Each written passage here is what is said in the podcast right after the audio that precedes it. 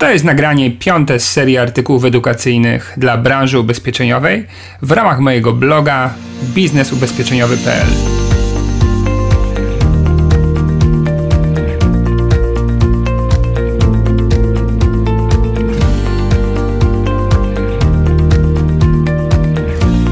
Celem moich artykułów jest wsparcie Twojego rozwoju zawodowego i pomoc w zwiększeniu dochodów w ramach sprzedaży lub zarządzania sprzedażą ubezpieczeń.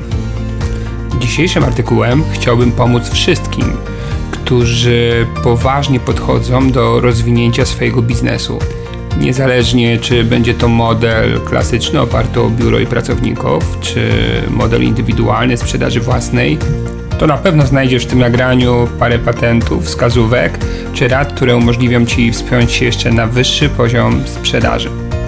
Szczególnie polecam ten artykuł osobom, które mm, pracują w klasycznym modelu yy, i mają swoich pracowników zatrudnionych na etacie i każdego dnia zastanawiają się, co można zrobić, żeby mój pracownik bardziej zaangażował się w swoje obowiązki, działania, yy, chętniej dosprzedawał i był bardziej nastawiony na poszukiwanie nowych klientów. Ok, nie przedłużając, bierzmy się do dzieła. Zapraszam do wysłuchania nagrania.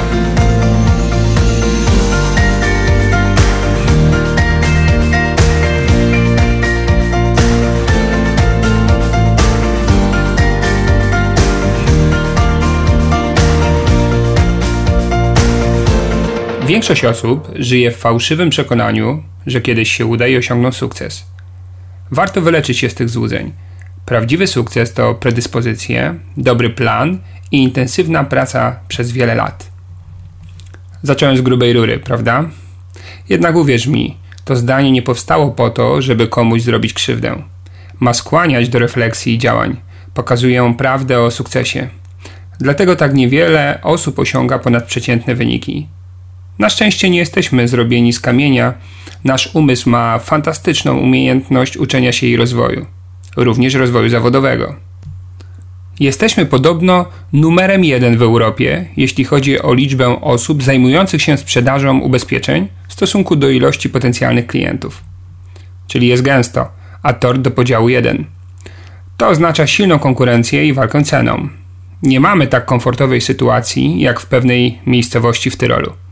Będąc tam kiedyś na wakacjach, zostałem zachęcony do skorzystania z usług piekarni, której sklep firmowy znajdował się na rogu. Kiedy zapytałem, czy jest jakaś druga piekarenka w okolicy, otrzymałem odpowiedź, że to jedyna, ponieważ władze miasta nie wydadzą już więcej zezwoleń. Jest jedna, to po co druga. Zaskoczony odpowiedzią, zauważyłem, że monopolista lubi przesadzać z cenami. Rozmówca zdziwiony odpowiedział, że byłoby to nieeleganckie i nikt tak u nich się nie zachowuje. W naszym kraju może być piekarni, ile dusza zapragnie, ale jeszcze więcej jest wszelkiego typu pośredników ubezpieczeniowych. Są ulice, gdzie ilość multiagencji i biur ubezpieczeniowych przewyższa gęstością jakikolwiek inny biznes. I w sumie nic dziwnego. Koszty wejścia w ten biznes są bardzo niskie porównując do innych branż, a zarobić można relatywnie dużo. Jest tylko jedna przeszkoda ograniczająca dochody pośrednika i jest nią konkurencja. Ponieważ od ponad 20 lat siedzę w branży ubezpieczeniowej i przez ten czas brałem udział w dużej ilości różnego rodzaju projektów biznesowych, przygotowałem dla Ciebie w tym artykule receptę na sukces w prowadzeniu własnego biznesu sprzedaży ubezpieczeń. Omówimy najważniejsze zasady, typowe błędy, strategie, szczegóły organizacyjne, tworzenie zespołu. Nawet jeśli już od lat zajmujesz się pracą w ubezpieczeniach, na pewno to, co przeczytasz, może pomóc Ci jeszcze bardziej usprawnić Twoje działanie. Zróbmy na początek krótki test. Podam poniżej najczęstsze błędy biznesowe, które hamują rozwój i powodują stanie w miejscu. Przeczytaj poniższe zdania i zadaj sobie pytanie, czy któreś z tych haseł dotyczą mojej sytuacji. Czym więcej odpowiedzi na tak, tym w gorszej sytuacji jesteś obecnie. Ale nie przejmuj się, wszystko co przeczytasz poniżej można zmienić. No to zaczynamy. Typowe błędy w prowadzeniu biznesu sprzedaży ubezpieczeń. Pierwszy. Brak wieloletniej strategii rozwoju i skupianie się tylko na tym, co jest tu i teraz. Drugi. Myślenie, że marketing, ładne biuro czy strona internetowa przyciągną dużą ilość klientów. Trzeci. Sprzedaż tylko jednej kategorii ubezpieczeń, np. majątek albo tylko życie. Czwarty. Zbytnie skupienie się na sprzedaży ubezpieczeń komunikacyjnych i zaniedbanie innych rodzajów ubezpieczeń. Piąty. Brak profesjonalnej bazy danych informacji o klientach i wskutek tego brak działań dążących do kompleksowej obsługi klienta. Szósty. Zaniedbania w wynagradzaniu pracowników. Nie ma jasno określonej premii lub prowizji dla pracowników zależnych od wielkości ich sprzedaży. Siódmy. Rozwijanie wiedzy produktowej i proceduralnej z pominięciem wiedzy dotyczącej rozwoju firmy, np. techniki sprzedaży, zarządzanie ludźmi, marketing, strategie biznesowe. Ósmy. Utknięcie w grupie niskiej jakości klientów. Małe składki, dużo pracy sprzedażowej i obsługowej. Dziewiąty. Pominięcie lub marginalizacja ubezpieczeń firmowych lub indywidualnych dla przedsiębiorców. I ostatni dziesiąty. Negatywne nastawienie do biznesu. Robię to tylko dla pieniędzy, nie mam z tego przyjemności, Efektem tego czuję się jak wypalona osoba, mam poczucie niezadowolenia i dużo narzekam na klientów, rynek, konkurentów, towarzystwa ubezpieczeniowe. Uf, nawet kiedy to pisałem, zacząłem czuć pewien ciężar. Nie zazdroszczę osobom, które zaliczyły dużo tak przy czytaniu powyższych punktów. Jednak pamiętaj, to wszystko można naprawić. Nie ma takiego momentu w naszym życiu, kiedy nie możemy już nic zmienić. To tylko kwestia wewnętrznej decyzji. Trzeba się tylko na siebie wkurzyć i powiedzieć: OK, koniec z tym. Od dzisiaj zmieniam swój sposób działania. Wiem, że będzie mi potrzebna cierpliwość i wytrwałość, lecz jestem na to przygotowany. Chcę lepszych wyników, poczucia zadowolenia i sukcesu. Koniec z marazmem i przeciętnością. Od takiego dialogu wewnętrznego trzeba zacząć, bo wszystko zaczyna się od Twojej głowy i tego, jak myślisz. Jeśli na przykład uważasz, że pracownicy to leniwe osoby, które nie doceniają tego, jak dobrze jest im w Twojej firmie, to tak naprawdę będziesz się zachowywać i ich traktować. Oni to odczują i oddadzą brakiem zaangażowania i niechęcią do szefa. Jeśli uważasz, że wszyscy klienci patrzą tylko na cenę, to będziesz skłaniać się do minimalizacji kosztów ubezpieczenia również tam, gdzie klientowi zależy na jakości. I w ten sposób możesz go stracić. Wiele lat temu pewna firma budowlana budowała mi dom. Niestety nie byłem zbyt pilnym kontrolerem i w kwestii materiałów dokonywano często decyzji za mnie. Ponieważ ich klienci walczyli o jak najniższe koszty budowy, automatycznie założyli, że ja jestem taki sam. W efekcie pod dachówką założono mi membranę z Chin. Po pięciu latach wszedłem na strych i zauważyłem dziwne białe kawałki na podłodze. To był filtr polipropylenowy, który rozkruszył się i odpadł z membrany. Niestety było już po gwarancji. Kiedy wezwałem dekarza, okazało się, że membrana jest do wymiany. Trzeba było rozebrać cały dach, wymienić membranę, położyć nową dachówkę i tak dalej. Jak myślicie, ile kosztowała najlepsza membrana na rynku, która miała gwarancję 25 lat? Różnica w cenie pomiędzy najtańszą a najdroższą na moim dachu wyniosła 2,5 tysiąca złotych. Nigdy nie poleciłem nikomu tej firmy budowlanej. Podobnie jest w ubezpieczeniach. Zanim założysz, że klient odrzuci Twoją propozycję, przedstaw mu nie najtańszą, ale najlepszą dla niego. Choćby po to, żeby nie było jak z moim dachem. Jeśli jest nierozsądny, to wybierze kierując się ceną, a nie jakością, ale to już będzie jego wybór. Wracając do Twojej głowy i jej wpływu na sukces, warto zaznaczyć jeszcze jedną bardzo istotną kwestię. Większość liderów osiąga ponadprzeciętne wyniki, ponieważ mają motywy, które nimi kierują. Warto więc zadać sobie pytanie: dlaczego zajmuję się tym biznesem? Odpowiedź jest bardzo ważna. Jeśli na przykład uciekasz po prostu z domu, bo jest w nim męczący współmałżonek, to może być niewystarczająco motywujące.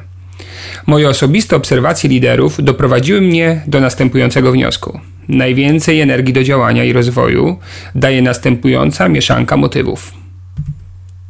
W moim życiu bardzo ważna jest moja sytuacja finansowa, ponieważ wpływa na jego jakość i mój wewnętrzny spokój. Dlatego to, ile zarabiam, jest dla mnie bardzo ważne. Mam poczucie, że to co robię pomaga innym. Moi klienci w trudnych sytuacjach otrzymują pomoc, moi pracownicy i współpracownicy są zadowoleni i bezpieczni dzięki naszej współpracy. Moja rodzina może spokojnie funkcjonować. Po prostu to co robię nie szkodzi ludziom, a wręcz przeciwnie. Jestem z natury ambitną osobą i lubię wyzwania. Czuję głęboką satysfakcję, kiedy uda mi się przekonać klienta do zakupu lub wstrzymać jego rezygnację. Stawiam sobie ambitne cele i spełniam się, kiedy je realizuję.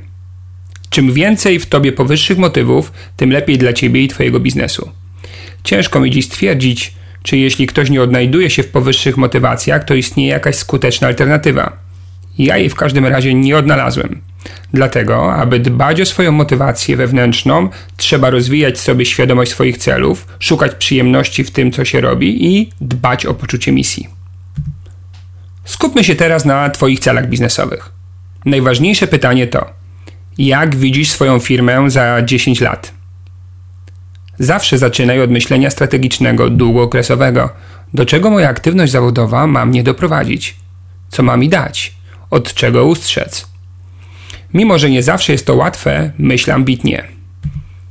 Wiem, że wszystko dookoła krzyczy: zejdź na ziemię, przestań marzyć. Niestety otacza nas tak silna normalność, że dużo energii trzeba włożyć w utrzymanie swojego umysłu w stanie wysokiej motywacji i wiary we własne siły. Dlatego mi osobiście pomagają książki, które napisali ludzie o wybitnych osiągnięciach. Mimo, że pochodzą z różnych dziedzin, łączy ich jedno: wytrwale dążyli do spełnienia swoich pragnień. Otaczają nas historie osób, których osiągnięcia wymknęły się spod kontroli normalności. Kiedy startowali, środowisko pukało się w głowę. Kiedy walczyli, upadali, wiele osób dookoła mówiło: Daj sobie spokój. Kiedy zwyciężyli, główny komentarz brzmiał: Miał szczęście, miała szczęście.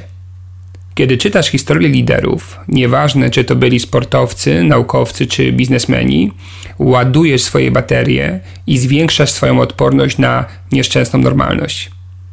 Załóżmy, że przez następne 10 lat zainwestujesz większość swojego czasu w rozwój zawodowy. Spędzisz tysiące godzin pracując z klientami, współpracownikami, pisząc e-maile, siedząc na szkoleniach, czytając różne artykuły, planując swoją pracę. Jakiej nagrody oczekujesz w zamian? Na przykład odłożone pieniądze, które dają poczucie bezpieczeństwa i niezależność finansową, prestiżowa edukacja dla Twoich dzieci, standard życia dużo powyżej przeciętnej, dom, samochód, ubrania itd., tak możliwość realizacji drogiego hobby, pieniądze na pomaganie innym, fundacje, pomoc bezpośrednia, może szacunek społeczny, być może docenianie Twojej pracy przez siebie samego i Twoje otoczenie – a może prywatna emerytura w wieku na przykład 50 lat. A może chcesz po prostu zwiedzić cały świat. Świadomość nagrody zwiększa motywację do działania. Jeśli nie wiesz do czego dążysz, to działasz tylko tyle, żeby przetrwać i nie ma to nic wspólnego z wybitnymi osiągnięciami i poczuciem spełnienia. Alternatywą jest ciągły lęk i niepokój o swoją przyszłość, brak zadowolenia i zbliżające się poczucie wypalenia. Zrób pauzę na chwilę i pomyśl o tym. Co chcesz ustawić na celowniku według kolejności cel, przygotowanie, strzał?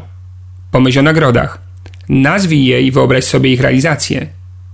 Więcej o pracy na celach dowiesz się z mojego artykułu o prostym tytule Zaawansowane metody wyznaczania celów. Ok, zajmijmy się teraz modelem biznesowym w naszej branży. Sprzedaż ubezpieczeń można rozwijać na wiele sposobów. Każdy z nich ma swoje wady i zalety. Każdy też powinien być konfrontowany z Twoimi predyspozycjami. Ok, przyjrzyjmy się przykładom. Pierwszy model biznesowy to samotny łowca. Jak się z pewnością domyślasz, jest to tryb działania bez zespołu. Ty szukasz klientów, ty z nimi rozmawiasz.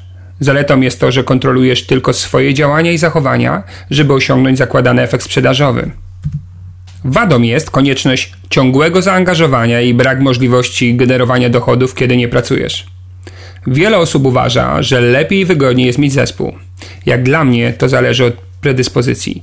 Jeśli ktoś nie przepada za zarządzaniem ludźmi, to jego efektywność pracy z zespołem będzie niska. Bardzo często samotny łowca to urodzony sprzedawca. Z klientem idzie mu jak po maśle, ze współpracownikami lub pracownikami jak po grudzie.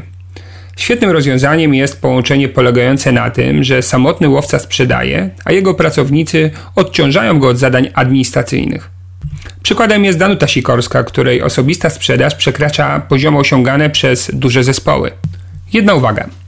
Samotnym łowcą warto być tylko w jednym przypadku, kiedy koncentrujesz się na zamożnych klientach. W innym razie czeka Cię bardzo dużo pracy i przeciętny oraz niestabilny dochód. Drugi model biznesowy to tak zwany klasyczny szef. Biuro, pracownicy, reklama, tak zwany klasyk gatunku. Tym razem nie łowimy klientów, to oni do nas przychodzą. Spore koszty, ale z drugiej strony możliwość zarabiania nawet wtedy, kiedy nie ma właściciela w biurze. Żeby osiągnąć dobre wyniki finansowe w tym modelu, trzeba przede wszystkim postawić na dobrze dobranych pracowników, niekoniecznie kluczem znajomi i rodzina, wygląd biura na wysokim poziomie, właściwy system wynagradzania ludzi, o tym powiem za chwilę, predyspozycje, umiejętności i wiedza właściciela w zakresie prowadzenia klasycznego biznesu i zarządzania ludźmi. Kiedy odwiedzam klasyczne multiagencje typu punkt stacjonarny, bardzo często pojawia się następujący schemat. Pracownicy narzekają na zarobki szefa, a szef narzeka na pracowników. Większość ludzi pracuje głównie dla osiągania dochodu i warto o tym pamiętać. Uśmiech, pochwała, możliwości rozwoju są bardzo ważne, ale nic nie zastąpi godziwego wynagrodzenia. Dlatego najważniejszą rzeczą w firmie jest tworzenie motywującego systemu wynagradzania. Jeśli pracownik zajmuje się sprzedażą, musi mieć dodatkowy bonus oparty na wynikach sprzedażowych lub realizacji tzw. Tak celów aktywnościowych. I to motywujący bonus proporcjonalny do jego oczekiwań. Skąpstwo w wynagradzaniu ludzi jest pierwszym krokiem do marnego biznesu. Jeśli uda się stworzyć właściwe warunki pracy, to pracownik etatowy jest w stanie bardzo się zaangażować i wiele siebie dać, w zamian za poczucie bezpieczeństwa i stabilizacji. Jeśli dojdzie do tego docenienie i szacunek ze strony szefa, to sytuację mamy prawie idealną. Mając firmę w postaci klasycznego biznesu, należy zadbać o trzy najważniejsze elementy dobrej strategii rozwoju. Pierwszy element to utrzymanie klienta. To podstawa dobrego planu rozwoju firmy. Po prostu nie stać nas na to, żeby łatwo tracić raz pozyskanych klientów. Trzeba stworzyć standard działania, w którym klient jest na pierwszym miejscu i dajemy mu to odczuć. Wiele osób mówi, że większość multiagencji to robi. Przypomina o badaniu technicznym, wysyła SMS-y przypominające o płatności, wysyła życzenia urodzinowe i tym podobne. Ja widzę na rynku zupełnie coś innego. Wszyscy mówią o tym, mało kto robi to porządnie i systemowo. Wiele firm jest w chaosie bieżączki i szefowie nie pilnują standardów, które kiedyś sami ustalili. A jak szef odpuścił, to tym bardziej pracownik nie będzie sam z siebie o tym pamiętał. Ok, żeby utrzymać klienta, trzeba zadbać o następujące kwestie. Po pierwsze, o rzeczach ważnych pamiętać za niego i mu o tym skutecznie przypominać. Po drugie, wygoda klienta jest priorytetem. Skracamy czas obsługi, w czym da się wyręczamy klienta. W biurze podczas czekania w kolejce może się zająć czymś atrakcyjnym, dzieci klienta również mają się czym zająć. Każda procedura działania, którą tworzymy w firmie, podlega pytaniu: jak to działanie wpłynie na zadowolenie i wygodę klienta? Uwierz mi, że gdyby każdy szef usiadł ze swoimi ludźmi i wspólnie z nimi zastanowił się nad tą kwestią, co zrobić, żeby poprawić wygodę i zadowolenie klienta, byłby zaskoczony, na jakie fajne i nietuzinkowe pomysły wpadają ci, którzy każdego dnia mają kontakt z rynkiem. Korzystam od pewnego czasu z internetowej telewizji Netflix. Poziom zadbania o wygodę klienta nie jest tam przypadkowy. Podczas używania tej usługi czuć, że firma koncentruje się na zadowoleniu klienta. Ilość usprawnień poprawiających wyszukiwanie, wybór, oglądanie, kontynuację oglądania itd. Tak jest ponadprzeciętna. Efektem tego jest wynik ponad 100 milionów użytkowników i ciągle rosnące przychody. Kolejny element to szybkość działania i reagowania. Mimo, że łączy się z wygodą, warto ująć tę kwestię jako osobny temat. W obecnym świecie ludzie ciągle się spieszą i na nic nie mają czasu. Nigdy dotąd w historii świata nie byli tak niecierpliwi i wiecznie poddenerwowani. Każde opóźnienie i przeciągnięcie czasu obsługi powoduje u wielu osób irytację i niezadowolenie. Stwórz w firmie system szybkiego reagowania. Jeśli twoi pracownicy są zajęci obsługą, a klient dzwoni, bo chce się czegoś dowiedzieć, nie możemy kazać mu czekać godziny lub dłużej, aż w końcu ktoś odbierze. Trzeba opracować sposób, który da klientowi poczucie błyskawicznej i skutecznej obsługi. Wiem, że zaraz wiele osób pomyśli, nie mam pieniędzy na dodatkowe systemy przyspieszające reagowanie i obsługę. Uwierz mi, że to może być element odróżniający cię od konkurencji, bo przecież czymś trzeba się wyróżnić, żeby ludzie zauważyli akurat twoją firmę w tłumie pozostałych. Ostatni element, który chciałem opisać, to uczciwość działania. To podstawa powrotu klienta. Chyba, że jeszcze nie przyłapał firmy na kombinowaniu. To, że niektórzy klienci są nieuczciwi, nie powinno wpływać na uczciwość doradcy. Uczciwość sprzedaży to pewien styl pracy z klientem. Doradzamy klientom tak, jak doradzilibyśmy sobie, gdybyśmy byli na ich miejscu. Uwierz mi, że klienci szybko wyczuwają, czy chodzi ci o ich dobro, czy o sprzedaż polisy za wszelką cenę. Doradca o uczciwych intencjach, który chce naprawdę pomóc klientowi, ma silny charakter i wpływ na jego decyzje, ze względu na atmosferę rozmowy, którą tworzy. Nie potrzeba super technik sprzedaży, jeśli doradca wierzy w to, co robi. Drugi element dobrej strategii rozwoju firmy to kompleksowa obsługa. Jestem Twoim klientem w ramach ubezpieczenia mojego samochodu. Dlaczego ubezpieczenie mieszkania mam mieć gdzieś indziej? Ubezpieczenie na życie jeszcze u innego agenta, a grupówkę to już nawet sam nie wiem, kto mi sprzedał, bo właściwie to nigdy go nie spotkałem. Spotkałem pewien czas temu właścicielkę firmy zajmującej się doradztwem finansowo-ubezpieczeniowym, działającą w USA w okolicach Michigan. Firma miała ponad 40 tysięcy klientów. Kiedy usłyszała, że w Polsce firmy sprzedają na przykład tylko ubezpieczenie majątkowe, a tak naprawdę głównie komunikację, była zdumiona. Zadała proste pytanie: dlaczego? Właściwie nie umiałem podać racjonalnego wytłumaczenia. Rozumiem, jeśli ktoś sprzedaje sam, nie ma czasu, żeby uczyć się o dziesiątkach produktów finansowych i ubezpieczeniowych, ale jeśli masz biuro, do którego przychodzą klienci, to możesz wszystko.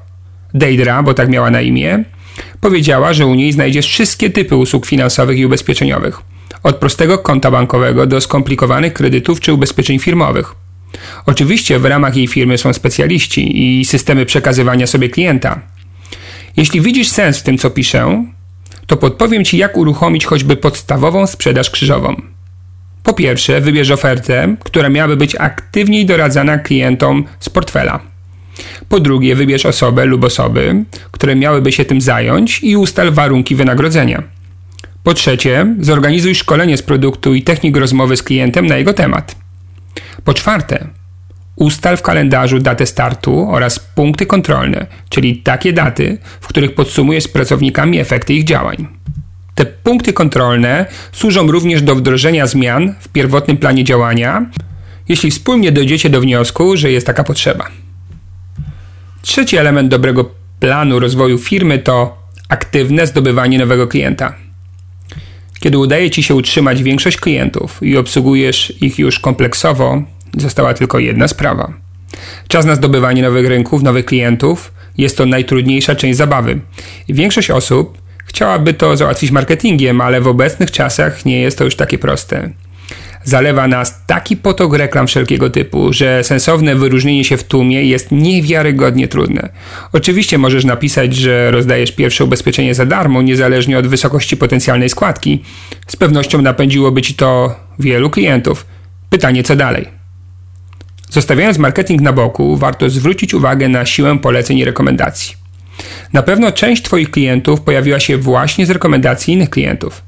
Niestety dzieje się to w sposób niekontrolowany przez Ciebie. Zadaj sobie pytanie, jak mogę wykorzystać potencjał rekomendacyjny moich klientów? Są na to różne sposoby. Na przykład można poprosić klienta, żeby nas polecał.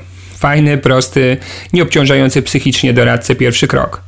Niestety znów nie mamy kontroli, co zrobi klient z naszą prośbą. Można zastosować jakiś program lojalnościowy. Klient, który przyprowadza kolejnych, uzyskuje pewną korzyść. Pewnie nie zadziała na wszystkich i może kosztować, ale na pewno da jakiś efekt. Można również poprosić klienta o namiary na kilku znajomych i skontaktować się z nimi telefonicznie. Metoda wysoce skuteczna. Mało kto odmówi rozmowy i sprawdzenia naszej oferty. Tu jednak pojawia się ogromna blokada psychiczna po stronie doradców. Boją się tego jak ognia, głównie dlatego, że nie wiedzą jak to zrobić. Dlatego przedstawię poniżej kilka bardzo skutecznych sposobów. Przykładowy pierwszy sposób to rozwój biura. Jeśli masz własne biuro lub nowe miejsce, w którym sprzedajesz, a klient prowadzi firmę, to możesz powiedzieć, że w ramach ostatnich inwestycji skupisz się obecnie na pozyskaniu nowych klientów, tak aby pokryć koszty inwestycji oraz ustabilizować biznes i dlatego prosisz klienta o pomoc w dotarciu do potencjalnych kolejnych klientów. Drugi sposób to zadanie od szefa. Jeśli klient pracuje na etacie, to mówisz, że dostałeś zadanie od szefa. Możesz szefa faktycznie o nie poprosić. Ważne jest, abyś powiedział, że masz na to określony czas i prosisz serdecznie klienta o pomoc. Powinna tu zadziałać reguła empatii. Klient etatowy na pewno też ma różne zadania, które musi realizować. Trzeci sposób to osobiste wyzwanie. Ta metoda dotyczy klientów, którzy mają wysoki poziom ambicji. Wiesz, że lubią wygrywać i robią w życiu wiele ambitnych rzeczy. Mówisz, że postawiłeś sobie ambitne zadanie, na przykład 200 nowych klientów do końca roku, wygranie konkursu, bycie pierwszą osobą w rankingu najlepszych sprzedawców i tym podobne, i prosisz klienta o pomoc w jego realizacji. Następny sposób to realizowanie misji zawodowej. Ta metoda dotyczy klientów wrażliwych na los innych. Jeśli Twój klient pomaga innym, angażuje się w działania charytatywne, to przekazujesz mu następującą informację. Chciałbyś poprosić go o pomoc w dotarciu do jego środowiska po to, aby pomóc kolejnym klientom poprzez roztoczenie nad nimi opieki w ramach doradztwa ubezpieczeniowego. Będziesz starał się zmaksymalizować korzyści klientów i zapewnić im profesjonalną opiekę. I ostatni sposób to tak zwana specjalizacja. Ta metoda dotyczy klientów z określonego środowiska, np. lekarz, architekt, sportowiec Wspominasz, że specjalizujesz się w pomocy tej kategorii klientów i poprzez rozszerzoną wiedzę masz dla nich propozycję profesjonalnego doradztwa czy oferty. Dlatego prosisz klienta o polecenie do osób, które spełniają warunek określony specjalizacji. Jest jeszcze jedna metoda zdobywania klientów, którą nazywam słowem kooperacja. Chodzi o to, aby dogadać się z innymi firmami. One są źródłem potencjalnych klientów i otrzymują wynagrodzenie za działania marketingowe. Oczywiście powinna panować tutaj zasada success fee. Nie płacimy za polecenie, dzielimy się wspólnie uzyskanym przychodem. Wyobraź sobie doradcę kredytowego, który informuje klienta, że współpracuje z doskonałą firmą doradzającą ubezpieczenia, która potrafi świetnie obsługiwać i optymalizuje koszty ubezpieczeń klientów. Następnie pyta klienta, czy mogą do niego zadzwonić i sprawdzić, czy ich doradztwo może mu przynieść jakieś korzyści. Myślę, że mało kto powie nie, nie mogą do mnie zadzwonić i już pojawia się okazja do zdobycia nowego klienta. Trzeci i ostatni model biznesowy to tak zwany łowca wolnych strzelców. To jest ostatni model, który chciałbym dzisiaj omówić. Po prostu tworzysz grupę ludzi, którzy sprzedają samodzielnie, a ty jesteś pośrednikiem między nimi a firmami ubezpieczeniowymi. Nie interesują Cię koszty pracy, bo każdy z nich ma własną działalność gospodarczą. Zabierasz po prostu mały fragment ich wynagrodzenia. A co dajesz w zamian? Ponieważ takich firm jest już masa, to widać, że ścigają nowych współpracowników głównie trzema korzyściami. Dają gotowy system do pracy, wsparcie i lepsze wynagrodzenie niż wynegocjowałby współpracownik samodzielnie z firmami ubezpieczeniowymi. Czy jest jeszcze miejsce na kolejne tego typu firmy? Pewnie jest, ale silna konkurencja może spowodować pewną niestabilność. Po prostu w przyszłości ktoś może przekupić Twojego współpracownika lub dać mu lepszy system czy mocniejsze wsparcie. Mam nadzieję, że informacje, które przekazałem Ci w tym artykule, zainspirują Cię do wyboru właściwego modelu biznesowego. A jeśli już od pewnego czasu zajmujesz się sprzedażą, to liczę na to, że ten tekst pobudził Cię do stworzenia kilku nowych pomysłów czy choćby refleksji dotyczących Twojego rozwoju sprzedaży. Dziękuję za wysłuchanie tego nagrania, trzymam kciuki za sukcesy i pozdrawiam serdecznie.